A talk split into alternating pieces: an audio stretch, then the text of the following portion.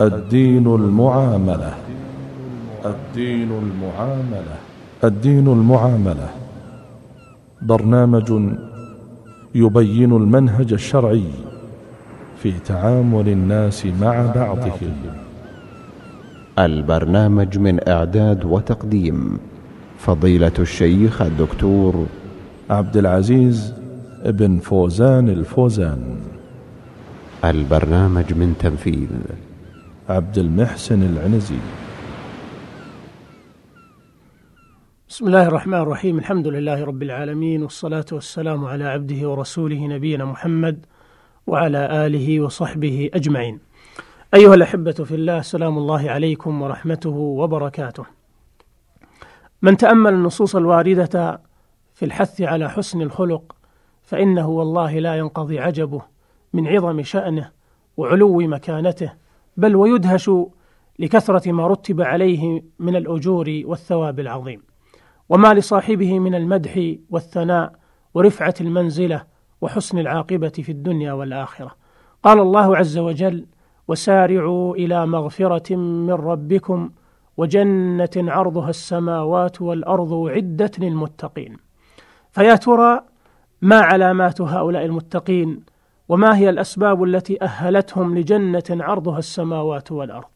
استمع إلى قول الله أعدت للمتقين الذين ينفقون في السراء والضراء والكاظمين الغيظ والعافين عن الناس والله يحب المحسنين. وجميع هذه الصفات التي جعلها الله تعالى سمات للمتقين داخلة في حسن الخلق وطيب المعاملة للخلق والبر بهم بالإنفاق على محتاجهم وكظم الغيظ عن مخطئهم والعفو عمن زل منهم والإحسان إليهم بكل قول جميل وفعل حميد. فجمع بين وصفهم ببذل الندى واحتمال الأذى وهذا هو غاية حسن الخلق. وبين سبحانه وتعالى في آيات أخر أن حسن المعاملة مع الناس من أخص أوصاف المؤمنين التي بها نالوا الفلاح في الدنيا والآخرة. وبها صاروا في الدرجات العلى من الجنة. فقال سبحانه قد أفلح المؤمنون أي فازوا وسعدوا في الدنيا وفي الآخرة. لماذا؟ قال الذين هم في صلاتهم خاشعون والذين هم عن اللغو معرضون والذين هم للزكاة فاعلون والذين هم لفروجهم حافظون إلا على أزواجهم أو ما ملكت أيمانهم فإنهم غير ملومين. فمن ابتغى وراء ذلك فأولئك هم العادون والذين هم لأماناتهم وعهدهم راعون والذين هم على صلواتهم يحافظون أولئك هم الوارثون الذين يرثون الفردوس هم فيها خالدون. ولو تأملت هذه الأوصاف الستة التي استحقوا بها تلك المنازل العالية الرفيعة لوجدت أربعة منها تتعلق بمعاملة الخلق والإحسان إليهم ورعاية حقوقهم وصيانة أعراضهم وحرماتهم. وقال عز وجل ثم كان من الذين آمنوا وتواصوا بالصبر وتواصوا بالمرحمة قال شيخ الإسلام ابن تيمية في كتابه الاستقامة حول هذه الآية فلا بد أن يصبر وأن يرحم وهذا هو الشجاعة والكرم ولهذا يقرن الله تعالى بين الصلاة والزكاة تارة وهي الإحسان إلى الخلق وبينها وبين الصبر تارة ولا بد من الثلاثة الصلاة والزكاة والصبر. لا تقوم مصلحة المؤمنين إلا بذلك في صلاح نفوسهم وإصلاح غيرهم. لا سيما كلما قويت الفتنة والمحنة فإن الحاجة إلى ذلك تكون أشد. فالحاجة إلى السماحة والصبر عامة لجميع بني آدم. لا تقوم مصلحة دينهم ولا دنياهم إلا بهما. ولهذا فإن جميعهم يتمادحون بالشجاعة والكرم حتى إن ذلك عامة ما يمدح به الشعراء ممدوحيهم في شعرهم. وكذلك يتذامون بالبخل والجبن والقضايا التي يتفق عليها عقلاء بني آدم لا تكون إلا حقا كاتفاقهم على مدح الصدق والعدل وذم الكذب والظلم. وقد قال النبي صلى الله عليه وسلم لما سأله الأعراب حتى اضطروه إلى سمرة فتعلقت بردائه فالتفت إليهم وقال والذي نفسي بيده.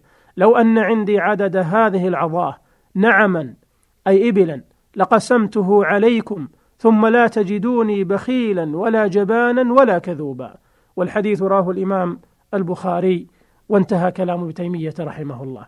ومما يدلك على أهمية حسن الخلق وعظم شأنه عند الله تعالى.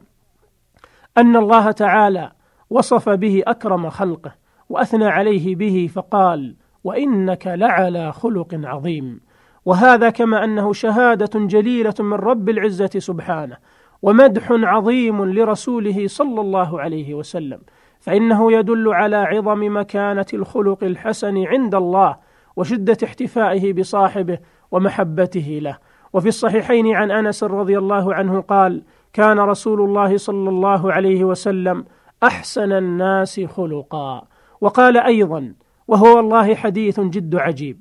قال ما مسست ديباجا ولا حريرا ألين من كف رسول الله صلى الله عليه وسلم ولا شممت رائحة قط أطيب من رائحة رسول الله صلى الله عليه وسلم. ولقد خدمت رسول الله صلى الله عليه وسلم عشر سنين فما قال لي قط أف ولا قال لشيء فعلته لم فعلته ولا لشيء لم أفعله ألا فعلت كذا. وفي رواية لأبي داود خدمت النبي صلى الله عليه وسلم عشر سنين بالمدينة وأنا غلام ليس كل أمري كما يشتهي صاحبي أن أكون عليه ما قال لي فيها أف قط. وما قال لي لم فعلت هذا أو ألا فعلت هذا. فيا لله العجب.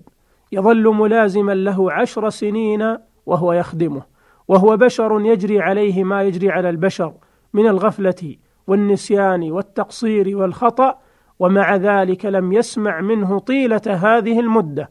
كلمة تأفف وتبرم أو كلمة عتاب وتوبيخ أو حتى كلمة استنكار وتوجيه خصوصا أنه كان غلاما ليس كل أمره كما يشتهي صاحبه أن يكون عليه.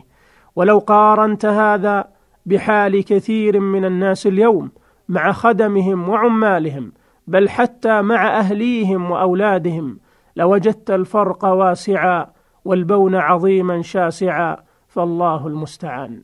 وتقول عائشة رضي الله عنها ما ضرب رسول الله صلى الله عليه وسلم شيئا قط بيده ولا امرأة ولا خادما إلا أن يجاهد في سبيل الله وما نيل منه شيء قط فينتقم من صاحبه إلا أن ينتهك شيء من محارم الله فينتقم لله عز وجل والحديث رواه مسلم.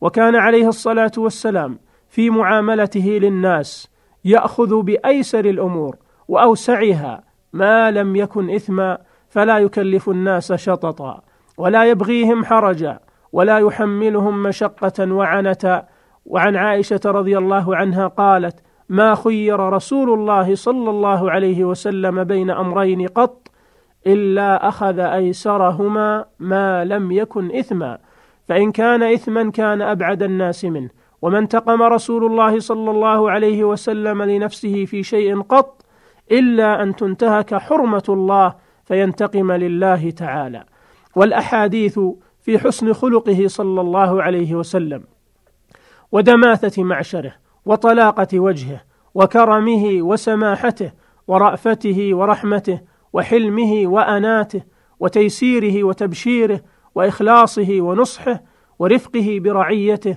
وحسن سيرته مع أصحابه وتميز تعامله مع زوجاته وعدله مع أعدائه وإنصافه من نفسه أمر يطول شرحه. وشهرته تغني عن الإطالة في ذكره وتفصيله. ولو ذهبت أجمع ما ثبت عنه في ذلك لكتب فيه مجلدات كثيرة. ولا غرو في هذا فهو الأسوة الحسنة والقدوة المتبعة والإمام المقتفى والهادي لأقوم السبل. لقد كان لكم في رسول الله أسوة حسنة لمن كان يرجو الله واليوم الآخر وذكر الله كثيرا. وما وكما ضرب عليه الصلاة والسلام أروع الأمثلة على حسن الخلق بسيرته وأفعاله فإنه حث عليه حثا شديدا بأقواله وبين مكانته من الدين وما رتب عليه من عظيم الثواب والجزاء وما لصاحبه من كمال المدح والثناء ورفعة المنزلة عند الله تعالى. وهذا ما سأبينه إن شاء الله في الحلقة القادمة. ألقاكم على خير إن شاء الله وأستودعكم الله. والسلام عليكم ورحمة الله وبركاته.